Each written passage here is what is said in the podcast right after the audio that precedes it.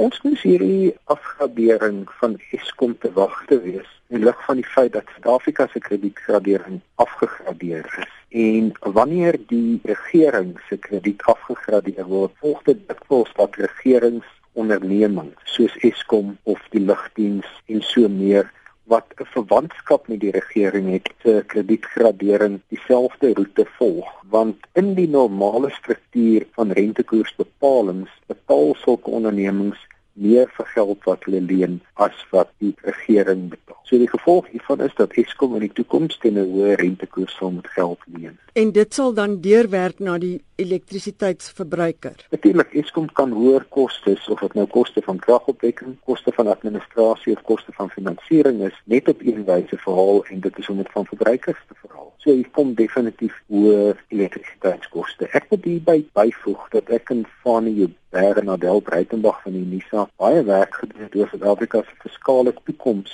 in die lig van ons navorsing oor Suid-Afrika se fiskale afgrond. En ons moet verbruikers ook waarsku dat die van volgende jaar af algemeen hoër belastings kom. Verbruikers gaan nie net vir krag meer betaal nie, verbruikers gaan ook hoër belastings betaal. Verbruikers moet nou reeds hulle gordels begin intrek. Ek het dit gister by 'n konferensie gesê dat iemand my daarop gewys dat hulle gordels reeds weg is, hulle het nie meer gordels om in te trek. So sou u sê ons kry 'n verbruikersklas wat foos is. Ons kry regtig 'n situasie waar die regering nie besef dat die vermoë om meer inkomste het sy by wyse van kosteverhalings vir regeringsondernemings of by wyse van hoër belastings vir die regering self nie meer deur die huidige belastingkorps gedra kan word nie. Ons het 'n baie klein korps by in Suid-Afrika van so wat 6.7 miljoen mense wat persoonlike inkomstebelasting betaal. Die regering sal regtig Suid-Afrikaners moet wys hulle erns om te besnoei. Ons kan gewoon net nie meer die grootte van ons kabinet bekostig nie. Ons kan net nie meer die grootte van ons staatsdiens bekostig nie.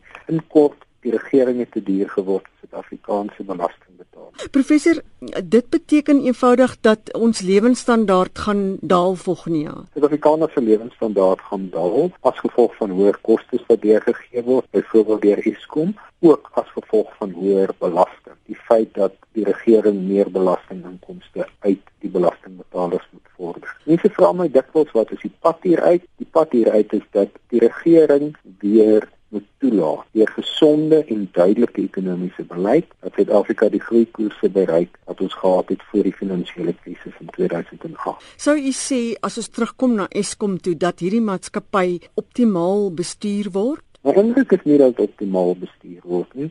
Ek het nog nie self met Eskom se bestuur gepraat nie, maar van wat ek uit die pers uit sien, as ons lees dat onderhoud nie gedoen word, dat daar torings in mekaar bymel, dat daar nie beplande onderhoud aan aanlegte is, kry ek nie die indruk dat die maatskappy optimaal bestuur word nie. Dit is ongelukkig nie net waar van Eskom nie, dis waar van baie staatsondernemings, byvoorbeeld ook die lugdiens. Ek dan terselfdertyd hoor dat die vakbonde vra dat daar meer ondernemings genasionaliseer moet word, dan sidder ek aan die gedagte dat meer ondernemings swak bestuur gaan word. As jy nasionaliseer beteken dit gewoon die staat wil meer ondernemings bestuur en die wat hulle het kan hulle nie as optimaal bestuur. Dit was die hoof van die fakulteit ekonomie aan die Universiteit van die Witwatersrand, professor Janie Resou.